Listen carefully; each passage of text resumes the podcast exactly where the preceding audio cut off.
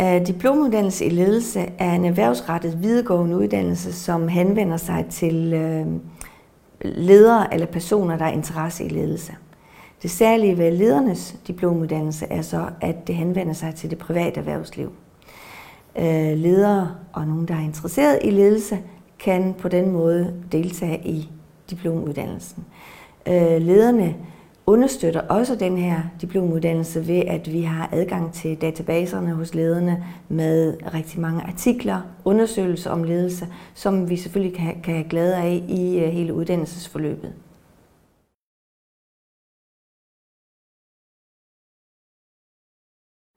Først og fremmest så er det et fokus på, øh, på sig selv, og det er jo rigtig interessant. Øh, det er et fokus på egen ledelsespraksis, så det du får ud af det, det er, at man får indsigt i, hvad man gør, hvorfor man gør det, øh, og hvilke udviklingsmuligheder jeg har som leder eller som øh, medarbejder, som gerne vil udvikle sit lederskab.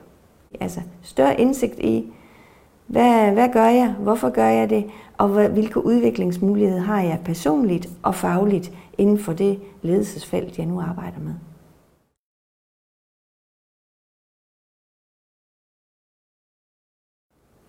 Som underviser har vi fokus på, at den studerende får viden, færdigheder og kompetencer inden for ledelse. Det er det, vi arbejder med igennem hele forløbet. Det vil sige, der er teori, der understøtter, at de skal have viden. Der er opgaver, hvor de arbejder med at få færdigheder inden for ledelse. Og så skal alt det omsættes til nogle nye kompetencer, man kan bruge i sin egen ledelsespraksis. Det er det, der er mest fokus på.